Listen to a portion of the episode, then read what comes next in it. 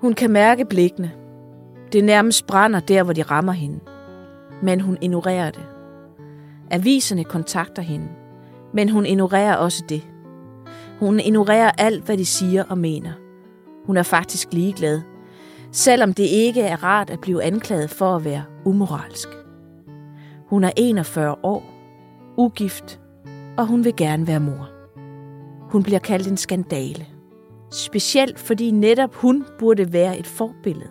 Og hvordan kan hun være det, når hun tager et valg, der er så unaturligt, så stik imod de kristne værdier og tidens seksuelle moral?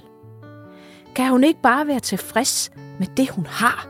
Det vil samfundet gerne vide.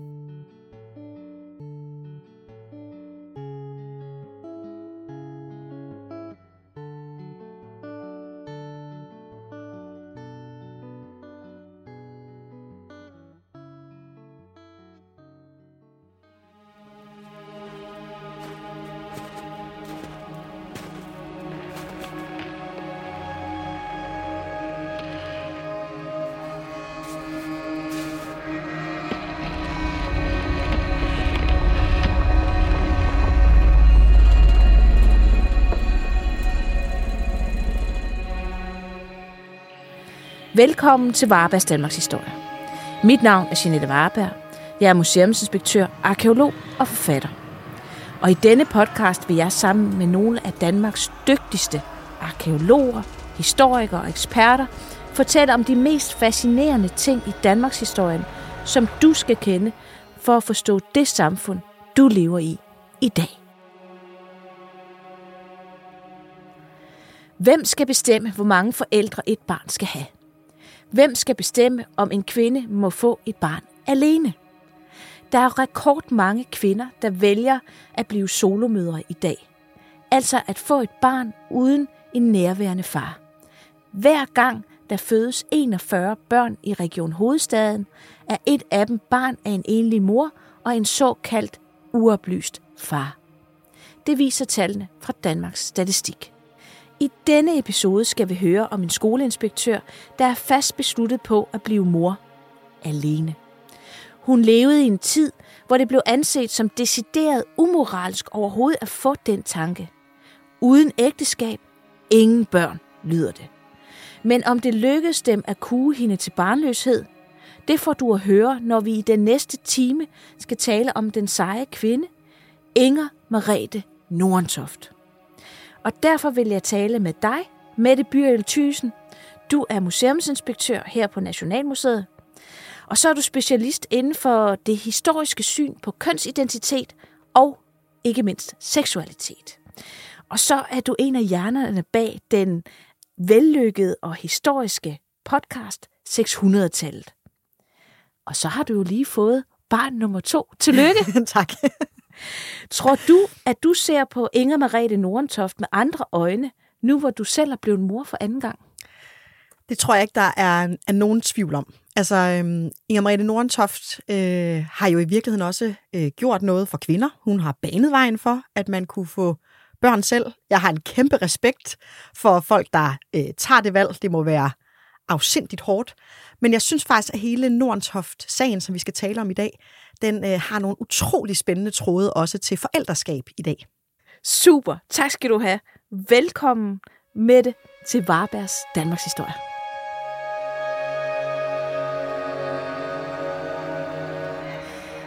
Og det er jo Inger Merete Nordentoft, som vi skal tale om.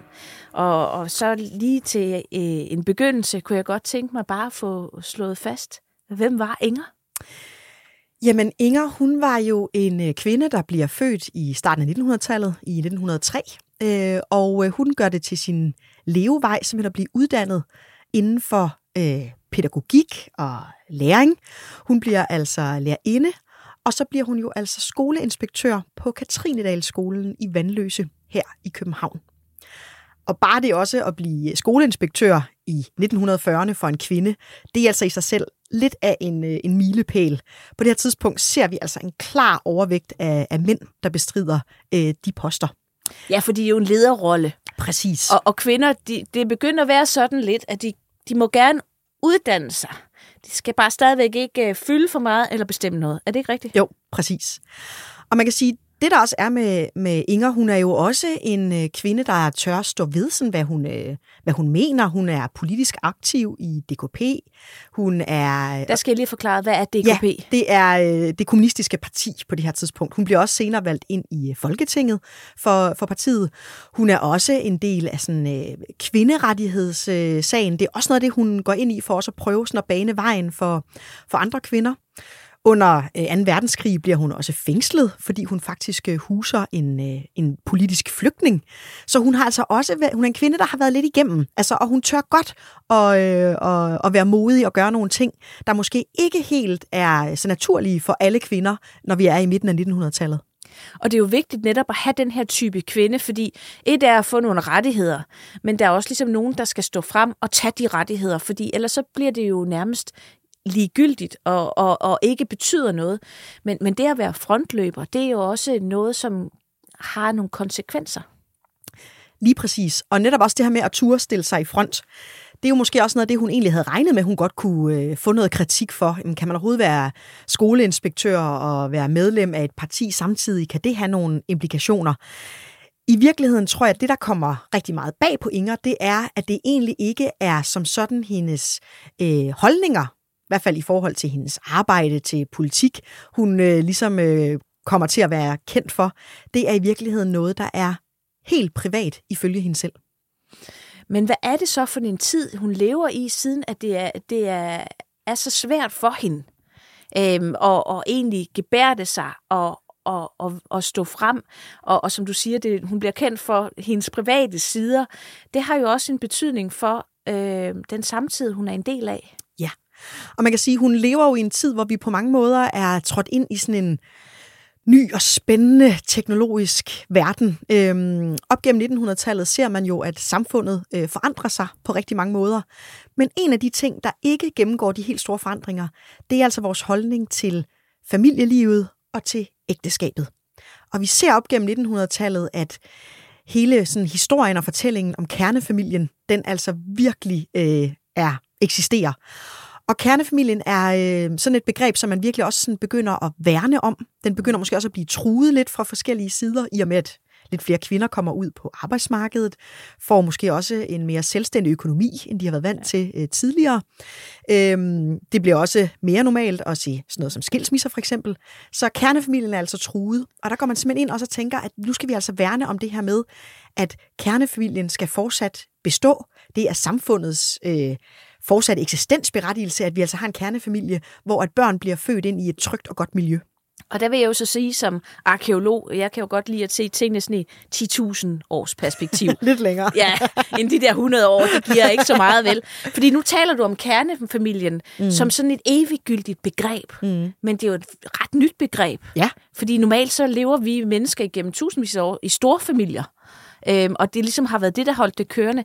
Kernefamilien er jo speciel på den måde, at det ble, alt bliver lagt over på kvinden. Mm. At, at, at alt husholdning, al børnepasning osv., det bliver hængt op på, på mor. Ja. Og man kan også sige, at nogle af de samfundsforandringer, der også er sket, er jo også, at man jo geografisk også er begyndt at flytte sig længere væk fra familien, end man gjorde bare i 1800-tallet for eksempel. Så det her med også, at man ikke længere måske bor i en klaver af flere generationer, det er jo også noget af det, der ligesom gør, at man bliver altså mere øh, lukket om sin egen lille skal, altså om kernefamilien, og bliver selvfølgelig derfor også øh, afhængig af, at der for eksempel også er øh, daginstitutioner, hvis, øh, hvis kvinden går på arbejde. Mm. Men det bliver også lidt idealet, at kvinder gerne går hjemme, og manden ligesom er, er hovedforsørgeren, og i virkeligheden den eneste forsørger i familien. Ikke? Præcis, så kan hun ligesom gå og hygge derhjemme. Og det er også det med Inger Marete Nordentoft. Hun, hun øh, har jo sit virke i København. Ja. Og det er jo også det, der måske, nu, nu fisker jeg lidt her med det, men at, at, at de her kvinder, der stiller sig i front, der er politisk aktive, de skal jo være i storbyen. Ja. Så man kan også sige, når hun også er bosat i, øh, i, i København, skal være tæt på øh, også Folketinget, øh, der har måske også været lidt nogle andre holdninger, øh, og måske lidt mere fremskredende holdninger, skulle man tro i hvert fald, i forhold til at være i, i andre dele af, af Danmark. Men øh, det skal altså senere vise sig, at øh, det med, at hun er i København, det gør altså ikke skandalen mindre. Og det er jo også sådan, når man tænker på, altså vores historie jo udspiller sig jo i 1945 deromkring.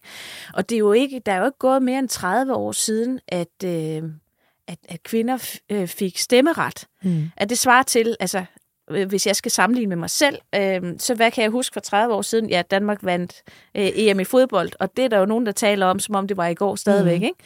Ikke? Øh, så, så egentlig kan hun jo selv huske, at kvinder har fået øh, stemmeret. Så den her brydningstid, hun er midt i, den er jo også meget voldsom. Helt bestemt. Og jeg tror også for mange, så er det jo også det med bare det egentlig også at se øh, kvinder øh, i politik. Altså det er stadigvæk noget, der bliver kæmpet en del med på det her tidspunkt. Har man måske stadigvæk også lidt den her holdning til, at mænd er altså bedre kvalificeret til at varetage offentlige embeder, til at gå ind i politik og til at være sådan offentlige frontfigurer, end egentlig øh, kvinder er. Så man lider stadigvæk på mange måder også lidt af den her, sådan, kan man sige, øh, lidt lave selvtillid i forhold til kvinders øh, offentlige fremtrædener. Det er jo klart, fordi hvis man går helt tilbage til demokratiets fødsel, hvis man kan kalde det det, i antikken, så, så hylder man jo grækerne for det her. Men de havde et meget, meget strengt for, øh, syn på mænds og kvinders øh, kønsroller. Mm. Og det her med, at kvinden, hun var simpelthen krop, hun var biologi, hun skulle blive inde bag øh, hjemmets fire vægge, og så skulle hun måske have et, et vis rådrum der, men hun måtte ikke tale offentligt. Og den har jo ligget ved os, fordi den er jo, altså, den græske filosofi og den græske indstilling til det her, det er jo noget af det, som, som øh, de kristne kirkefædre, teologerne i Oldkirken tog med. Altså Aristoteles, han har jo sagt, at øh, manden er hoved, kvinde er krop. Mm. Og den gik jo direkte ind i kristendommen. Så det er jo gennem 2000 år, at vi kvinder er blevet slået i hovedet med, at vi skal holde vores kæft i det offentlige rum. Ja. Men det gør Inger Merete Nordentoft jo ikke. Nej. Og hun er jo netop måske også en af dem, der øh, i virkeligheden er med til også at øh, bane vejen for at sige, når man går ud i offentligheden og er en, en offentlig person, så vil der altså også være øh, nogle smæk, man kan få på den øh, bekostning. Og det er hun jo også en af dem, der faktisk når at opleve.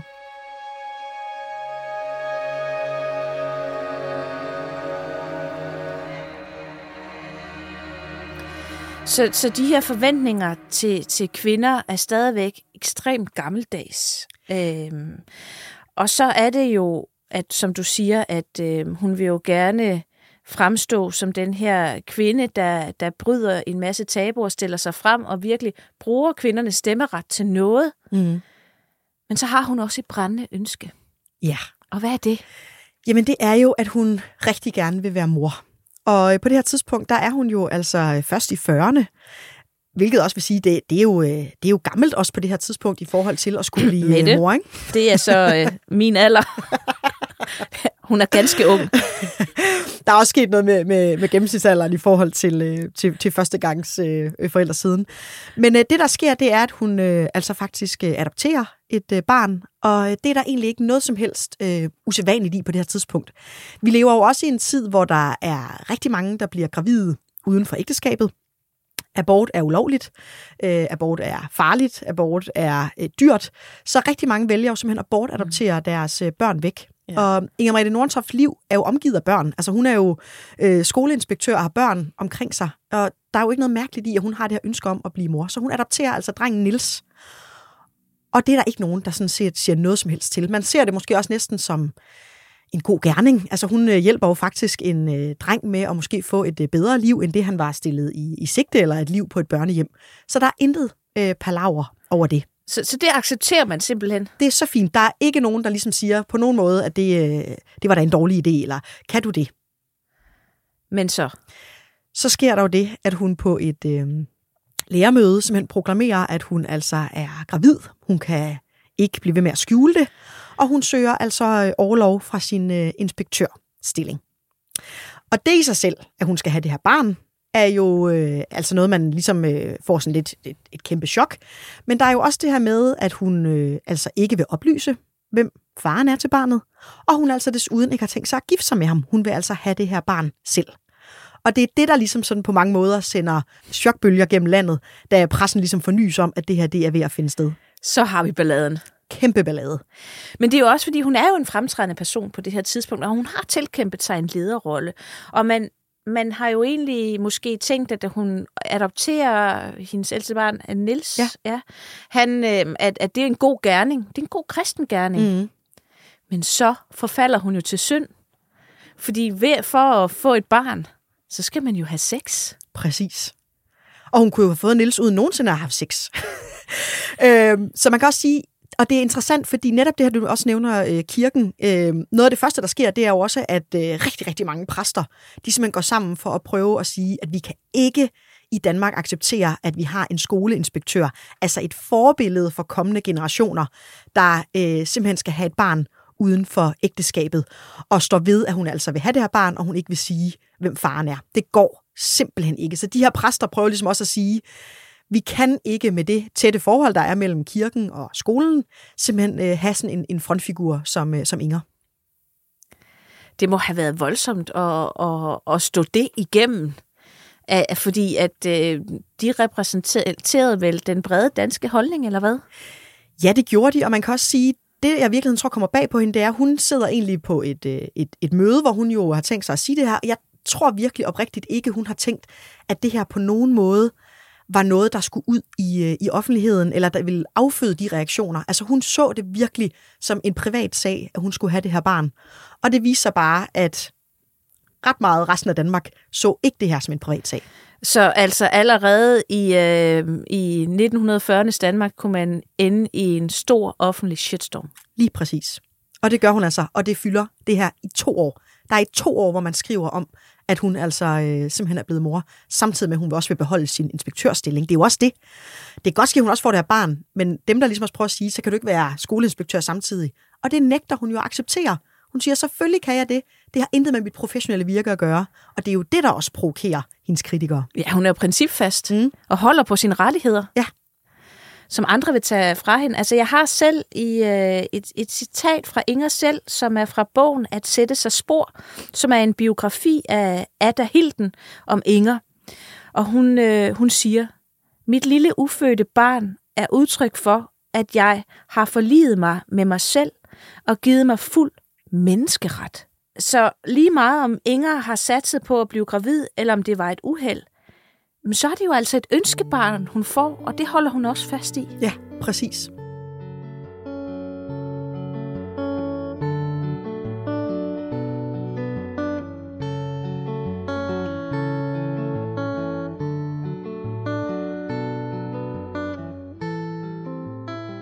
Altså i det her helvede, der bryder løs, hvor hun sidder med sit lille barn, hvordan får, ved vi noget om, hvordan hun fik dagligdagen til at, øhm, at gå? Det ved vi faktisk ikke så meget om, men det, jeg egentlig synes, der er ret interessant, det er, at hun faktisk er sådan også ret principfast om, hun ikke vil udtale sig. Altså, det er meget få øh, udtalelser, der egentlig også findes i pressen, selvom de jo øh, ringer til hende og gerne vil ligesom have hendes øh, holdning til, til Ja. det her. Så er hun egentlig sådan, at, at, og, og de gange, hun ligesom udtaler sig til pressen, øh, går det ikke særlig godt. Nu ved vi jo, hun øh, også var sådan med i, i kvindebevægelsen. Hun prøver også at gøre det her lidt mere til sådan et spørgsmål omkring, jamen rigtig mange børn fødes jo på det her tidspunkt uden for ægteskabet. Og ved at hun ligesom også måske går i front og viser, at man godt kan være alenemor, kunne det jo også godt føre til, at andre kvinder, i stedet for at ty til abort, måske i virkeligheden kan se, at der er også en mulighed i at få øh, barnet selv. Problemet er, at øh, når hun egentlig også går i, øh, i pressen og udtaler sig, så bliver hun egentlig bare mødt med sådan en larmende stillhed. Altså, der er ikke nogen, der tager det, hun siger, på nogen måde seriøst, og kritikken fortsætter. Så man Er kan der, sige, er der slet ikke nogen, der forsvarer hende? Øh, man kan sige, at dansk kvindesamfund prøver på et tidspunkt ligesom at sige, at øh, ville det her være samme tilfælde, hvis det var en mand? Altså forestil dig, at det var en mandlig skoleinspektør, Ja. øh, der havde gjort en kvinde gravid øh, uden for ægteskabet, og for eksempel ikke ville stå ved det. Hvad ville der så ske? Men på det her tidspunkt, så klinger det sådan rimelig hult, fordi man er sådan, jamen det kan jo alligevel ikke påvises, at han er faren og sådan noget. Det er jo også i tiden før DNA og sådan nogle ting. Så på den måde kan man sige, at en mand vil aldrig blive stillet til regnskab øh, på samme måde for sådan en, en hændelse, som, øh, som Inger jo altså bliver. Nej, for et eller andet sted, så er det jo socialt acceptabelt, at det, der kan, det kan smutte for mænd, hvorimod det er kvinder, der bliver lagt op på et køkkenbord for en, en strikkepind, stukket op for at prikke hul på fosteret, så man kan få en provokeret ab- abort, ikke? Jo, præcis. Og der findes jo så mange ulykkelige kvindeskæbner på det her tidspunkt, netop med, at man selv prøver med strikkepinde, eller altså øh, øh, glide ned eller kaste ned af, af trapper, øh, drikke ætsende væsker. Altså virkelig, virkelig, virkelig mange eller ubehagelige historier. Ikke? Arbejde hårdt, ja. skoldhed bade, flytte tunge møbler osv. Ja. Ikke? Fordi simpelthen, at man godt ved på det her tidspunkt, at hvis du får et barn også, øh, særligt uden for ægteskabet, så er det noget, der i den grad bliver determinerende for dit liv, men i virkeligheden også kommer til at begrænse dine fremtidsdrømme og dine muligheder. Altså, du falder simpelthen i værdi i forhold til at skulle indgå et ægteskab igen. Dine muligheder for for eksempel uddannelse, hvis man drømmer om det, så er det altså også noget, der virkelig begrænser dig. Og det er jo også derfor, en del kvinder jo også vælger at simpelthen øh, rejse væk på et lille ophold, øh, føde barnet, og så bortadoptere det, fordi de på den måde mere uhindret øh, kan leve det liv, de egentlig havde drømt om. Og det var sådan set det, de mente, at, øh, at Inger burde have gjort. Tage på en lang ferie til Østrig øh, med lidt, med, med lidt buttet talje, og så komme tilbage stramt ind i korset, og så lade som ingenting. Ja, og man kan sige enten med eller uden barn. Hun kunne også have løjet og sagt, jeg tager på et ophold, og så adopterer jeg altså et barn mere, og så har der aldrig været noget palaver. Det hun jo også gør, det er, at hun er ærlig, og hun står ved, at hun jo er biologisk mor til det her barn. For os i dag virker det jo fuldstændig vanvittigt, faktisk. Ja. Og der tror jeg, det er vigtigt virkelig at have have den tid syn for øje, det der med, altså hun er jo ikke en frygten hvem som helst. Altså hun er jo virkelig også en, der har været fremme i, i skoene, hun har opnået en position i samfundet, hun øh, er i Folketing, altså sådan, hun, hun er meget anerkendt, og hun er jo også mm. en af dem, der ligesom er pioner for en af de her sådan, øh, nye, sådan, øh, moderne tilgange til pædagogik og til øh, elever, til læring. Så på rigtig mange måder står hun jo som sådan en, en meget progressiv øh, kvinde. Jeg kommer lidt til at tænke på Lene Espersen, som da hun startede som minister, faktisk lige havde født et barn, og man kunne se, at hun slæbte rundt med øh, øh, et af hendes børn i en lift. Øhm, og det var jo også provokerende for mange dengang, at det skete, ikke? Ja. Øhm, og, så derfor der fisker jeg også lidt efter, hvad, hvad gjorde hun egentlig? Havde hun, ved vi, om hun havde en barnepige eller sådan? Jeg går ud fra, at hun ikke øh, hæv, hæv sin, sin yngste, det var så Kirsten, ja. øh, op og ammede hende på lærerværelset, vel? Nej, og man, hun har jo haft en eller anden for, altså hun søger netop om overlov, så hun har haft en eller anden kortere øh, overlov, og så kan man sige, en, en kvinde i den position af den stilling har jo også haft en løn, så hun i givet fald ville have kunne øh, betale netop for en, øh, en, en, en barneplejerske, en barnepige øh, på det her øh, tidspunkt. Ja, men du siger, at det her det står på i to år. Ja. Øh, og, og hvad har det af betydning for, for hendes position, også som skoleinspektør? Jamen man kan sige, at da nyheden ligesom slipper ud, så begynder øh, der også sådan at ulme lidt et øh, forældreoprør. Øh, kan det virkelig være rigtigt, at vi skal have sådan en inspektør med sådan et, øh, kan man sige, falmet moralsk kompas til at, at lede øh, skolen og i virkeligheden være, være frontfigur for det, vi gerne vil have, vores børn øh, skal se op til. Hvad var det for en type skole, hun, hun var på? Jamen, det var Katrindalskolen i, i Vandløse, hvor hun jo også ligesom prøvede at øh, gå ind for de her nye øh, pædagogiske idéer. I virkeligheden har man gjort det tidligere, man har set lidt øh, børn som sådan tomme dåser, der bare gennem udenlandslærer skulle fyldes en masse i. Og noget af det, hun går ind og, og arbejder med, det er blandt andet, at man prøver at se barnet som sådan øh, et individ, og i virkeligheden også det her med, at, at at man lærer øh, forskelligt, og i virkeligheden også, at der skal måske nogle, nogle forskellige metoder til. Så det har så, jo også været en... Så ikke kun udenlandslærer, hvor man skal repetere, repetere, repetere? Præcis. Så på den måde kan man også sige, at kan vide, om de her forældre måske ikke også har øh, forventet at være glade for, at det var en, en progressiv type, der, øh, der ledede skolen. Det kunne man jo godt forestille. Måske har han da valgt det, fordi hun øh, har været meget øh, øh, vældigt, og i virkeligheden også sådan ret kendt for, at hun jo også var en af dem, der øh, skrev bøger om emnet og satte sig ind i det her øh, fagstof og var inspireret af nogle udenlandske store øh, pædagogiske tænkere på, på samme tidspunkt. Så i virkeligheden er det her forældre øh, oprør jo også sådan øh, noget, der sikkert er blevet, hvor der også er kommet lidt brænde på bålet af, man har kunne mærke det der med, jamen offentlighedens interesse dalede ikke. Den blev ligesom ved med at være der. Måske tænkte man på et tidspunkt, ah, kan vide, om det her ikke også går over, men det gjorde det ikke. Det blev ved, og det blev ved, og det blev ved. Kunne man sige, at, at lidt... Øh at, at, at hendes øh, fald fra tinderne, og det ærestab, som, som de ville prøve at påklister Inger, på en eller anden måde også kunne ramme forældrene. Ja, det tænker jeg da. Altså også det her med, jamen, i virkeligheden, hvis man også bliver ved med at have sit barn i sådan en skole, kan man så også ligesom blive anklaget for, jamen så må du jo også støtte øh, ideen om det her med at få børn uden for, for ægteskabet. Så det er helt klart, at de her forældre har jo ligesom også synes, at der skulle en eller anden handling til, der ligesom var med til at statuere, at de altså virkelig øh, var imod det, hun stod for. Hvad sker der så? Jamen, der sker det, der faktisk øh, kommer en afstemning øh, på skolen, hvor man ligesom stemmer for, skal øh, Inger afsættes, eller skal hun fortsætte som skoleinspektør? Øhm, ret overbevisende, øh, med et ret overbevisende flertal, øh, bliver der altså stemt for, at hun skal blive ved med at være skoleinspektør. Men som en reaktion, så er der altså allerede folk, der har taget deres børn ud af skolen, og der bliver faktisk også etableret en ny øh, skole, øh, Rødkildevej skole, til at tage sig af de elever, der altså ikke længere vil gå på Katrinedals skolen. Så man opretter simpelthen en, en, en ny skole, som skal stå for noget andet end det, som øh, Inger altså repræsenterer. Super. Eksisterer de stadigvæk i dag? så, så, så, så dem, der er på Rødkilde skole, det kan I godt lige tænke over. Det er noget arv, der stadigvæk er... Ja, der tynger væggene der.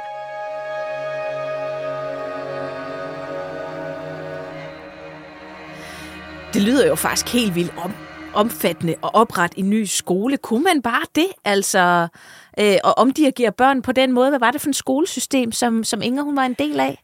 Altså, i og med, at vi jo øh, heller ikke ser helt den øh, volumen i skoler, altså det er jo lidt mindre skoler på det her tidspunkt, hvor vi i dag jo ser, at der er nogle kæmpe skoler, især også i, øh, i, i hovedstaden, så har, det været, øh, så har det været mindre, og man kan også sige med den rette øh, forældreopbakning. Man skal, også, øh, man skal heller ikke glemme, at det her er jo også noget, der har politisk bevågenhed. Altså, he, hele det her spørgsmål er jo også blevet taget op i, øh, i sådan noget som Folketinget. Altså, ja, men der sad hun selv. Ja, præcis. Men det bliver taget op i Folketinget. Kan det være rigtigt, at vi har en skoleinspektør i Danmark, der skal have et barn alene uden for ægteskabet, og stadigvæk vil være skoleinspektør. Så det er også bare for at sige... Sidder hun simpelthen i Folketingssalen, mens det bliver diskuteret? Men altså, jeg ved faktisk ikke, om hun er til stede, men, men spørgsmålet bliver simpelthen øh, rejst øh, netop af de konservative. Hvor kan det virkelig være rigtigt, at vi vil lade en kvinde som hende øh, være, være, være øh, forbillede for vores børn? Og faktisk, at de i virkeligheden spørger efter handling. Altså, de efterspørger, vi må da gøre noget fra politisk side. Og igen, det får ikke nogen konsekvenser. Men alene det, at det sker, er jo også øh, ekstremt nedgørende, også for hende, og for noget, som hun jo stadigvæk bliver ved med at holde fast på, er en privat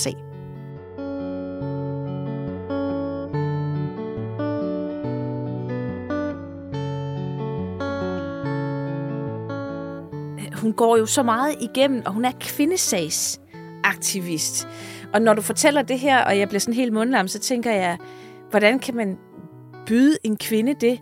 Men tror du, hun i virkeligheden har, har gjort det her også en smule bevidst for at provokere de grå eminenser i konservative parti. Altså har der været en... Altså, vi spekulerer her, jeg ved mm, det godt, ja, men ja. jeg hiver noget ud af dig, som du måske ikke har helt belæg for. Men kunne det tænkes, at der alligevel også er en lille djævel, der farer i hende og siger, lad os se, hvad der sker? Altså det, der jo er så frygteligt, det er jo, at hun faktisk destruerer sit personlige arkiv tænkt lige på en guldgruppe, og der ville vi måske kunne have fundet svaret på netop det her med, jamen, er barnet øh, planlagt? Er det, er det ikke? Hvad har hun egentlig tænkt om alt det her? Så det er jo meget lidt, vi egentlig ved om, hvad der foregår inde i hendes hoved. Hvorfor destruerer hun det? Jamen, det er jo et rigtig godt spørgsmål også. Jeg tror, hun i forvejen synes, hun har været nok fremme i offentligheden. Jeg tror ikke, hun har ønsket, faktisk som vi gør lige nu, at man skulle sidde øh, i eftertiden og sidde i virkeligheden og, øh, og, og have adgang til de her ting og, og blive ved med at dykke ned i, hvad var hendes, øh, hendes, hendes motiver alt det, der ligesom findes, tyder jo på, at det vidderligt er kommet bag på hende. Og derfor tror jeg ikke på nogen måde, at det har været en bevidst handling.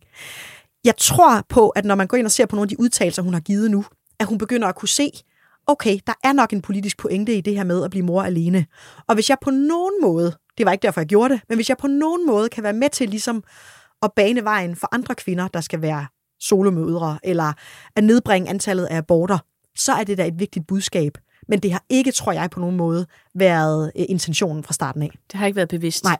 Men hun bliver jo en, en, en stemme for alle de kvinder, for det, det er jo forholdsvis mange, der har levet en skyggetilværelse, og ikke vel ikke har fået taletid, og ikke kunne få taletid, hvor enten at øh, de er blevet gift igen, eller har været udstødt, og ofte har det jo været meget, meget fattige kvinder, som dem, der ikke havde, havde råd til at få taget de her farlige aborter, eller som ikke havde råd til at tage på kurophold. Ja, præcis. Så hun bliver jo også en stemme netop for en ret stor del af kvinder, der jo ikke måske selv har øh, overskud til at, at, at stille sig frem. Også fordi på det her tidspunkt, så kan man også se, at, at dem, der altså primært er ude og være aktive, det er altså øh, øh kvinder, som mere sådan også er, er for eksempel fra middelklassen, end de er fra arbejderklassen, ikke? Jo, så, så man kan måske også sige, at man ikke, øh, ikke har så meget på hende, eller at man ikke rigtig kan få, få greb om hende. Det er, fordi hun rent faktisk er kommet ind i, i ret eftertragtet tjenestemandsstilling. At hun trods alt er beskyttet i det, den stilling, hun sidder i,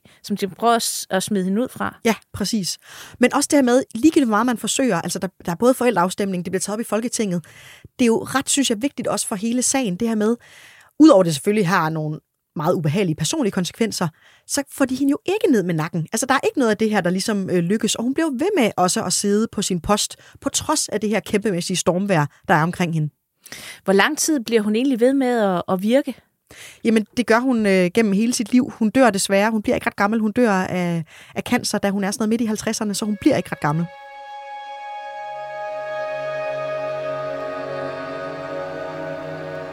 Nu nævner du sådan, at øh, hun har en affære, og hun vil ikke nævne, hvem faren er.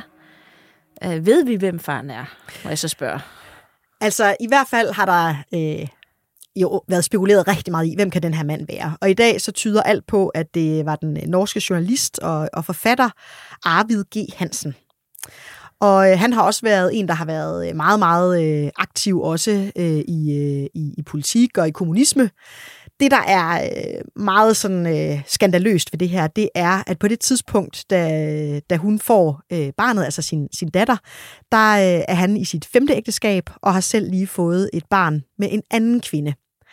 Så det er jo også det, ikke nok med, at hun får barnet øh, uden for ægteskabet. Hun er endda også det, man i datiden ville betegne som ægteskabsbryder, selvom han ikke går fra sin kone. Ikke? Altså det her med, at hun potentielt også er inde og, og rykke ved noget, som er et, et, øh, et ægteskab, ikke? hvor øh, han faktisk også har børn og får et lille barn med en anden kvinde. Ikke? Men hun knækker jo ikke, og hun afslører faktisk aldrig, hvem faren er. Nej, lige præcis. Og måske er det også en af grundene til, at hun også destruerer det her øh, personlige arkiv. Altså måske vil det også netop give os svaret på, øh, hvem han er. Og derfor bliver det jo fortsat sådan lidt en, øh, en, en myte.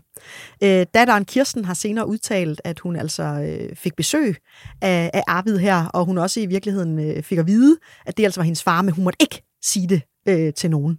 Så det er ligesom måske også vores bedste indikation på, at det altså er ham, der var, øh, der var faren. Og han har aldrig fået nogen kritik af, at han var gift fem gange øhm, og havde et uægte barn. Han slap sådan set fra det med skinnen på næsen uden nogen shitstorm. Lige præcis. Så det er jo måske også igen forskellen på, på mænd og kvinder. Ikke? Det har været langt mere accepteret og naturligt, at den her slags øh, ting altså fandt sted for mænds vedkommende. Det er jo dybt uretfærdigt. Ja.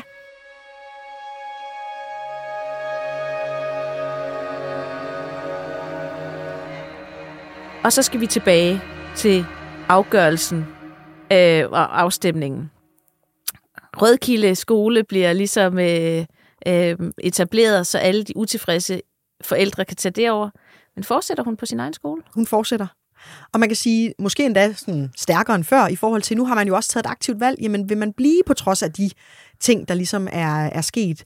Så på mange måder har hun jo faktisk også fået en, øh, en opbakning, og i virkeligheden kunne forhåbentlig vende tilbage til at koncentrere sig om det, der netop var hendes livsmission. Altså netop det her med at bringe nye pædagogiske tanker ind, og få skabt, hun drømte om at skabe en anden skole, end den man også har kendt til op gennem 1900-tallet. Og egentlig også været en mor, som hun drømte om at være, fordi når man engagerer sig i undervisning og børns opvækst, så er det jo også paradoxalt, at at øh, samfundet ikke ville lade dig, lade dig få, som dig, der var specialist, at du ikke måtte få børn selv, fordi du ikke var gift. Ja, præcis. Så i virkeligheden også, at hun jo går imod det her med at se hele ægteskabet som fundamentet for at, at, at kunne få børn. Det var hun jo i virkeligheden. Hun er jo ikke den, hun er jo ikke den første i Danmarks historien på nogen måde, der får et barn ud for ægteskabet. Men det er første gang i Danmarks historien, vi på den måde ser, at det får den bevågenhed. Og i virkeligheden også, at man får taget de her diskussioner. Jamen, skal et barn have øh, øh, begge forældre? Kan vi have øh, solomødre i øh, Danmark? Hvad kommer et barn til at mangle? Kan et barn godt få et godt liv øh, på trods af de her ting? Og kan kvinder i virkeligheden også køre både øh, karriere og være mødre uden at have en mand?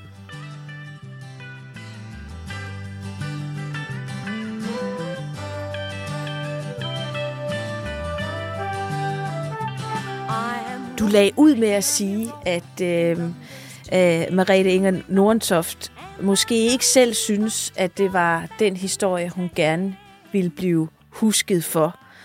Øh, men det blev det jo i virkeligheden, gjorde det ikke det? Jo, det gjorde det. Og man kan også sige, det er jo ikke til altid at, at spekulere i at sige, hvad, hvis hun ikke havde fået øh, Kirsten her, øh, nok Danmarks historiens øh, mest kendte uægte barn, i hvert fald i nyere tid. Lever hun øhm, stadig? Det ved jeg faktisk desværre ikke, men det tror jeg, hun gør. Øh, men hendes børn har også været sådan rimelig tavs om sagen. Måske også netop efter den måde, øh, som, som Inger reagerede på. Hun ønskede jo i virkeligheden ikke. Hun ønskede, at det her skulle lukkes ned, og man ikke skulle bruge mere energi på, på det her. Men man kan sige, at, at øh, det var jo ikke nødvendigvis det, hun ville, ville huskes for. Jeg synes stadigvæk, det er vigtigt at sige, at for at forstå, hvor vi står i dag, så er det vigtigt også at gå tilbage og sige, hvad var det egentlig for nogle diskussioner, man havde på det her tidspunkt? Altså det er jo vigtigt at sige, det er jo ikke engang 100 år tilbage i historien, at det her det sker. Det er i midten af 1900-tallet. Øhm, og det er jo også med til ligesom at sige, jamen, hvor langt er vi egentlig også kommet øh, på de år, der er, er, er gået siden, at, at Inger ligesom øh, fik det her barn uden for ægteskabet. Og i virkeligheden også, at hun stod fast på sine principper om, at selvfølgelig skulle hun have mulighed for at få det her barn, og samtidig også gøre karriere og forfølge den livstrøm, hun havde drømt om. Det er jo noget af det, man også igen ser, at vi øh, debatterer i, i nutidens diskussioner. Men jeg tror, hvis man Øh, hvis hun vidste i dag, at vi, øh, vi sad og diskuterede det her, så ville hun synes, det var virkelig ærgerligt, at vi brugte tid på øh, den del af historien, og ikke egentlig på hendes øh, pædagogiske virke. Fordi hvad var det, hun gerne ville huskes for? Jamen, tror du? jeg tror gerne, hun ville huskes for sin idealisme for en, der faktisk øh, ville være med til at, at ændre skolen, og i virkeligheden også gå ind og se øh, børn og individer øh, mere som nogen, man øh, skulle prøve at se på, hvordan er det egentlig, de lærer bedst, frem for at fortsætte måske den mere øh, konservative og klassiske tankegang fra den, fra den sorte skole. Det var jo noget af det, hun gerne ville, ville gøre op med. Men hun har jo egentlig påvirket skolen, den danske folkeskole i dag, har hun ikke det? Jo, helt sikkert. Og i virkeligheden også, synes jeg, det der med, også hvad man, hvad man gerne vil, vil, vil huskes for. Altså jeg vil våge at påstå også, at hun faktisk har været med til at bane vejen for at kvinder i virkeligheden både kan blive mødre selv, men også med, at man ikke nødvendigvis skal vælge mellem det ene eller det andet.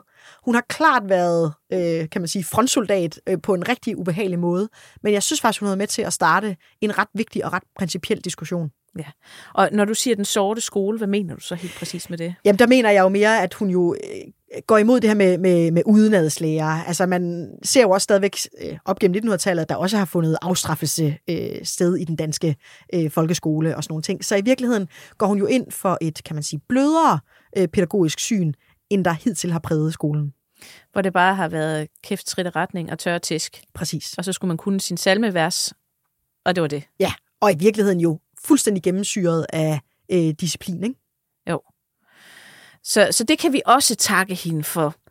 Altså, jeg kan jo ikke lade være med at tænke på, at hun egentlig repræsenterer, i hvert fald for mig, min bedsteforældres generation. Mm. Vi er jo ikke så langt tilbage i tiden. Vi taler jo om det, som om det er lang tid siden, men det er jo inden for det, vi kalder mands minde. Det vil sige, det er jo fortællinger, som stadigvæk er i, i, inden for, for vores overskuelige historie. Det vil sige, bedst, mine bedsteforældre er altså født i 20'erne, ikke? men, men øh, har været sådan næsten jævngamle med hende.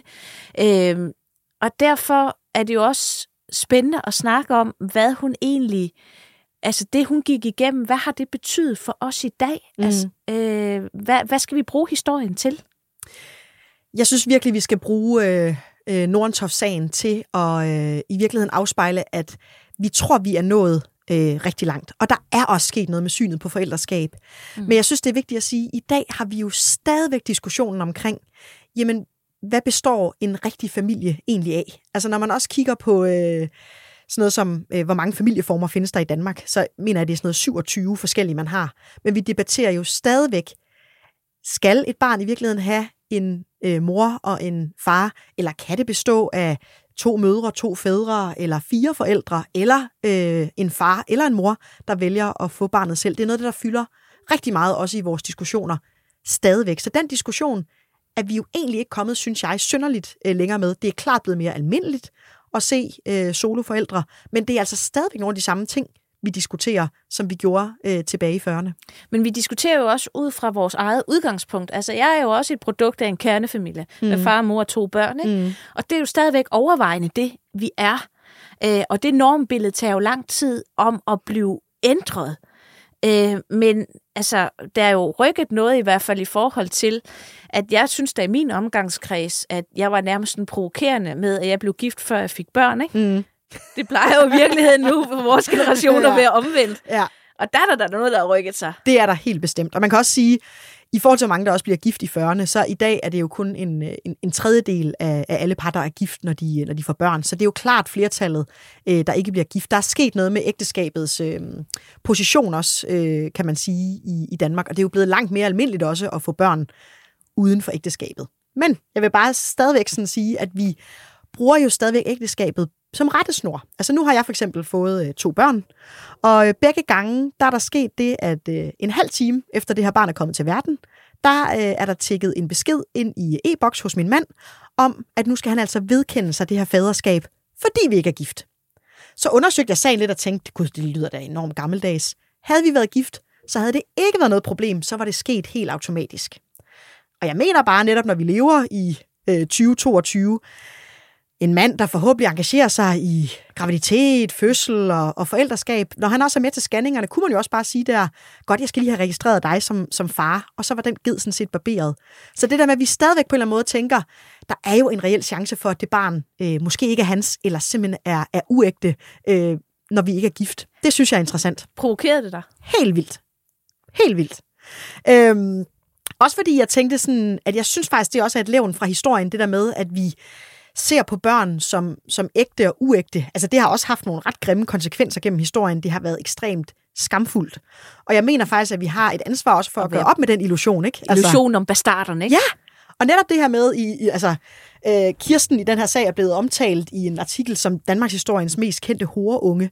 Altså det er den så ubehageligt. Og den mener jeg faktisk, at når vi stadigvæk gør det der med, om at børn er ægte, eller i hvert fald man skal vedkende sig øh, faderskabet, hvis man ikke er gift, så er vi faktisk med til at reproducere forestillingen om, at der altså findes ægte og uægte børn. Horeunge, det er godt nok et grimt ja, ord, ikke? det er et forfærdeligt, forfærdeligt ord.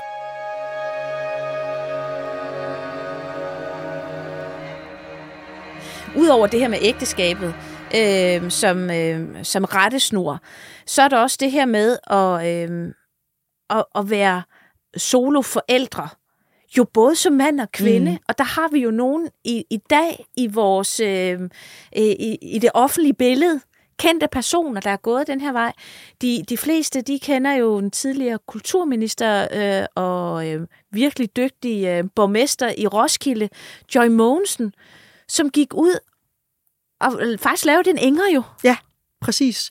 Hun gik jo ud netop og sagde det her med, at hun skulle altså, hun var gravid, og hun skulle have et, øh, et barn øh, alene. Og der var igen øh, ret stort ramaskrig, fordi hvordan øh, kunne hun dog egentlig det? Altså, og hvordan kunne hun i det hele taget være alenemor og øh, kulturminister samtidig. Og det vil jeg våge påstå, havde det været en, øh, en, en mand, så havde man måske ikke spekuleret i det på samme måde. Nu er det igen måske også lidt mere øh, almindeligt, at kvinder går ud øh, og får et barn alene. Men man kan også bare sige, sådan en som Mia Lyne øh, har også fået børn selv. Og hvad der har været spekuleret i, hvem den far er i sladderpressen, det synes jeg egentlig også er øh, ret utroligt. Det er som om, vi bliver ved med at insistere på, at vi faktisk når det er offentlige personer, har ret til at vide, hvem er det egentlig, der er faren til deres ja, hvem er faren? Ja. Mia Lyne, hun er jo nok mest kendt som øh, Frank Vams øh, kone i Kloven. Præcis. Ja, og virkelig dygtig skuespiller.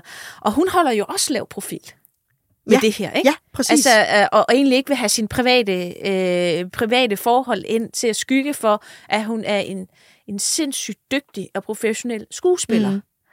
Og det samme med, hvis jeg må vende tilbage til John Mogensen, for vi er ikke helt færdige med hende, for mm-hmm. jeg synes jo faktisk, at hun fik øh, lidt en uretfærdig behandling i, i, i forhold til at se på hendes professionalisme i det her, øh, som giver mindelser tilbage til Inger, synes jeg. Ja, og der har vi igen øh, hele problematikken omkring, at der er det jo også igen en, øh, en kvinde, der bestrider en, en, en høj post i, øh, i det offentlige, og i virkeligheden også det her med, jamen svigter du ikke også øh, dit, dit embede ved, at du så skal ud og have børn, og hvordan vil du i hele taget også klare det? Hvordan vil du være en fortsat kompetent kulturminister, når du også har et barn derhjemme, øh, du skal sørge for? Så igen er vi jo egentlig tilbage til lidt den der skillevej, som Inger også stod ved. Du kan ikke både ville karrieren og ville børn. Det kunne Inger ikke i 1946, og det var faktisk lidt det samme, vi diskuterede med Joy Mogensen her for få år tilbage jo. Kan du øh, i virkeligheden begge dele. Og der er det igen det som med kvinder, at vi bliver reduceret til krop og biologi. Fordi at man kan jo ikke se på en mand, at han er blevet far. Og hvis man har, altså, man kan godt se, at de, de bliver 5 til 10 år ældre på 14 dage. Mm. De sover ikke og bliver måske lidt mere trætte at se på, men Der er ikke andet at se. Men vores kroppe ændrer sig jo. Så, så tror du, det har noget, noget at sige, det her med, at man kan se, at, at biologisk så ændrer kroppen sig sådan, at du bliver, at det bliver meget mere tydeligt, at du skal være forældre, ikke? Jo, og samtidig jo også, at vi jo fortsat bliver ved med, bevidst og ubevidst, at koble forældrerollen primært øh, til øh, kvinden. Altså vi går også ind og siger, det er faktisk på mange måder en større øh, opgave, der ligger hos kvinden i forhold til at blive forældre, end det egentlig er øh, hos manden. Der har jo været en del ministre, også gennem tiden, mandlige ministre, der også har fået børn, skulle på et kortere barselsårlov, og der har ikke været øh, den store polemik omkring det. Men det her med egentlig også gå ind og skulle være væk adskillige måneder fra et offentligt embede som kvinde, det er altså en, øh, det, det bliver pludselig også til, til et issue, eller noget, man faktisk går, øh, går op i. Men øh, der er også, altså nu, nu siger vi, øh, med, der har været reaktioner på kvinder, der har gjort det, men der er også reaktioner med mænd, altså kendte mænd, der ja. går ud og får, får børn.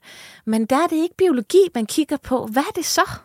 Og det er jo det, der er super interessant. Altså, det er som om, vi også ligesom kobler moderskabet til biologien. Altså, når, ja. når, når kendte mænd går ud og får, øhm, får børn alene øh, og stiller sig frem, så taler vi om det her med, gud, jamen, hvordan får de så mælk? Hvad med morens nærhed? Hvad med morens omsorg?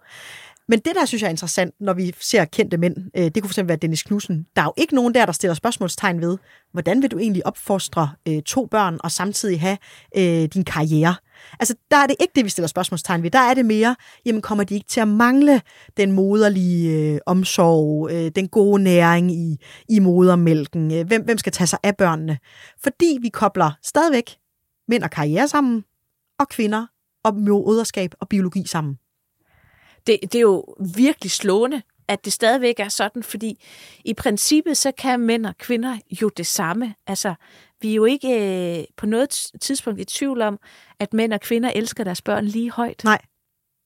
Og jeg synes faktisk også, det er interessant, fordi nu, nu taler vi om, om kendte, men rigtig mange af argumenterne gik jo faktisk også igen i den barselsdebat, vi lige har haft, ikke? Jo. Jamen, hvad så med de selvstændige mænd, der bliver ramt på det her? Jamen hvad med alle de selvstændige kvinder? Altså igen er det mandens karriere, vi skal passe på, ikke? Jo. Jamen hvad så, hvis kvinder gerne vil amme i længere tid? Altså igen er det kvinder og fysiologien, ikke? Altså, så vi holder fast sige, i dem. Altså der vil jeg godt lige smide mig selv ind her, mm. ikke? Fordi jeg ammede begge mine børn, til de var et år. Ja. Men jeg stoppede min barselsårlov øh, der efter et halvt år, og så tog min mand over. Ja. Og det er bare et spørgsmål om, at øh, biologi igen, brysterne, de må bare vente. Ja. så, så ammer du lige inden du tager på arbejde om morgenen. Og når klokken så er halv fem, så har du med et par kanoner, der skal fyres af. og så kører det derfra. Altså, man kan jo godt indstille sig på det. Ja. Øh, men det er aldrig det, som, øh, som journalister spørger ind til. Så der fik I den. Det var fra du skrev mig. også lige en bog på din barsel, ikke? Var det ikke sådan, fordi du kedede dig? Jeg, jeg kedede mig ikke, øh, øh, men øh, jeg skulle jo lave et eller andet, øh, der holdt min hjerne i gang, og jeg havde banket min far i Wordfeud så mange gange, som at jeg skrev en bog. I am woman, hear me roar, in numbers too big to ignore, and I know too much to go back and pretend, cause I've heard it all before, and I've been down there on the floor, no one's ever gonna keep me down again. Men nu har vi jo været igennem, øh, kan man sige, en lang snak omkring øh, forældreskab og forventninger til køn. Og øh, så er det, jeg bare kan huske, at vi for øh, få år tilbage her på Nationalmuseet havde et arrangement, der handlede netop om, om, om køn og om ligestilling, og øh, der skulle du ligesom give et godt råd øh, til, rigtig, der sad rigtig mange, der sad 250 kvinder inde i, øh, inde i salen. Der skulle du give et råd, øh, og der kan jeg bare huske, at du sagde, at øh, dit bedste råd, det var, at man skulle gifte sig godt. Hvad, ja. mente, du, hvad mente du egentlig med det? Altså, øh, jeg mente er faktisk det, jeg sagde, at øh, det kan godt være, at vi er nået langt med ligestilling. Og jeg er selv en, øh, en markant kvinde, både inden for, for mit fag og også inden for den offentlige debat. Øh, men jeg er også meget bevidst om, at øh, samtidig med, at jeg havde små børn, så så gjorde jeg karriere både som forfatter og arkeolog.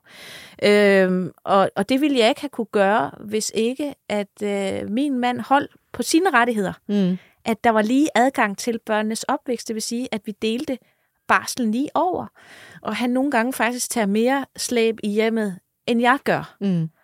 Øhm, så hvis det ikke havde været for ham, så var jeg ikke nået så langt, som, som jeg var kommet. For det er sådan, at jeg kan huske, at jeg blev simpelthen så provokeret. Altså jeg kan huske, at jeg tænkte, ej, det kan ikke, er det, er det virkelig det bedste bud? Og nu sidder jeg altså selv her, to børn og øh, to barsler og, og blevet en del klogere. Øhm, og desværre må jeg være tilbøjelig til også at, øh, at, at give dig ret, netop for at, øh, at familielivet skal, skal gå op. Så øhm, øh, i dag så har vi jo måske også i virkeligheden brug for, at man tager en øh, kamp ude i hjemmene i forhold til, hvordan er det egentlig, at øh, familielivet skal se, skal se ud, og hvor er det, den gode løsning findes netop for den enkelte familie, ikke? Jo, fordi jeg kunne jo også have sagt, at jeg holdt på mine principper, øh, og, og være, være iskold over for mine børn, og så sige, at så, så måtte jeg bare køre karrieren. Men du elsker dem jo, når de kommer ud. Mm. Altså, du vil gøre alt for de her mm. børn, og jeg tror, der er rigtig mange kvinder, der bliver fanget i, at, at den, den kærlighed, man har til børnene, tilsidesætter man, hvis, hvis ens mand ikke går ind og hjælper, man er to om det, så kan man måske, det er i hvert fald min oplevelse, sådan tror jeg, jeg ville have reageret i hvert fald, det er min personlige oplevelse, mm. at så ville jeg nok ikke have kunne gøre alt det, jeg gjorde ved siden af, fordi så ville jeg have sørget for dem. Men fordi at jeg er indgået i et godt partnerskab, mm. øh, så, så har jeg haft muligheden for at løfte. Og det tror jeg bare ikke altid er en selvfølge. Men jeg kan godt forstå, at det kan virke provokerende, når man sidder som ung, selvstændig kvinde derude øh, blandt tilhørende og tænker, selvfølgelig kan jeg alt. Men der sker jo også det, noget af det, når man får børn, som er også noget af det smukke, at man bliver bare ramt. Ja. Man vil gøre alt for dem. Ja. Og i virkeligheden jo også, at vi er begyndt at kigge lidt på øh, netop det her med, at mænd jo kan være lige så gode omsorgsgivere som, som kvinder. Det er jo også noget af det, der, øh, tror jeg, hvis man sådan skal kigge lidt frem i krystalkuglen, er et af de sådan opgør, vi kommer til at tage. Ikke? Præcis, fordi ligesom vi var tilbage med, med, øh, med kendte forældre, der bliver solomøder eller solofædre, uanset hvad. Altså den ene bliver, øh, med, mændene bliver kritiseret for, at de ikke er biologi nok, og kvinder bliver kritiseret for, at de ikke, altså, at, at, at de øh, ikke kan tage vare på deres erhverv. Mm. Men i virkeligheden, så både for mænd og kvinder, skal vi jo kunne sige, at alle er lige. Mm. Også i forældreskabet. Og på den måde kan man få et balanceret liv. Fordi det er det, det hele handler om. Og i, i virkeligheden, Mette, var det så ikke det, som Inger Merete Nordentoft, hun egentlig også søgte efter? Hun sagde i det her fine citat, at det var en menneskeret at få et lille nyt liv. Og i virkeligheden jo helt grundet tanken i, at alle er lige. Så der skulle ikke ske forskelsbehandling. Hverken på, om hun var kendt eller ukendt, eller om hun var kvinde eller mand. Det var i virkeligheden også øh, faktisk øh, budskabet i det, hun også gik ud og sagde. Så lad os håbe, at for fremtiden, at vi får en balance, så alle kan være i det liv, de gerne vil leve. Tusind tak, fordi du kom forbi studiet i dag. Mette Byrjel Thysen, du er museumsinspektør her på Nationalmuseet, og som I kan høre, kære lytter, virkelig ekspert i det med identitet og køn. Tak fordi du kom forbi Varbergs Danmarks Historie. Selv tak.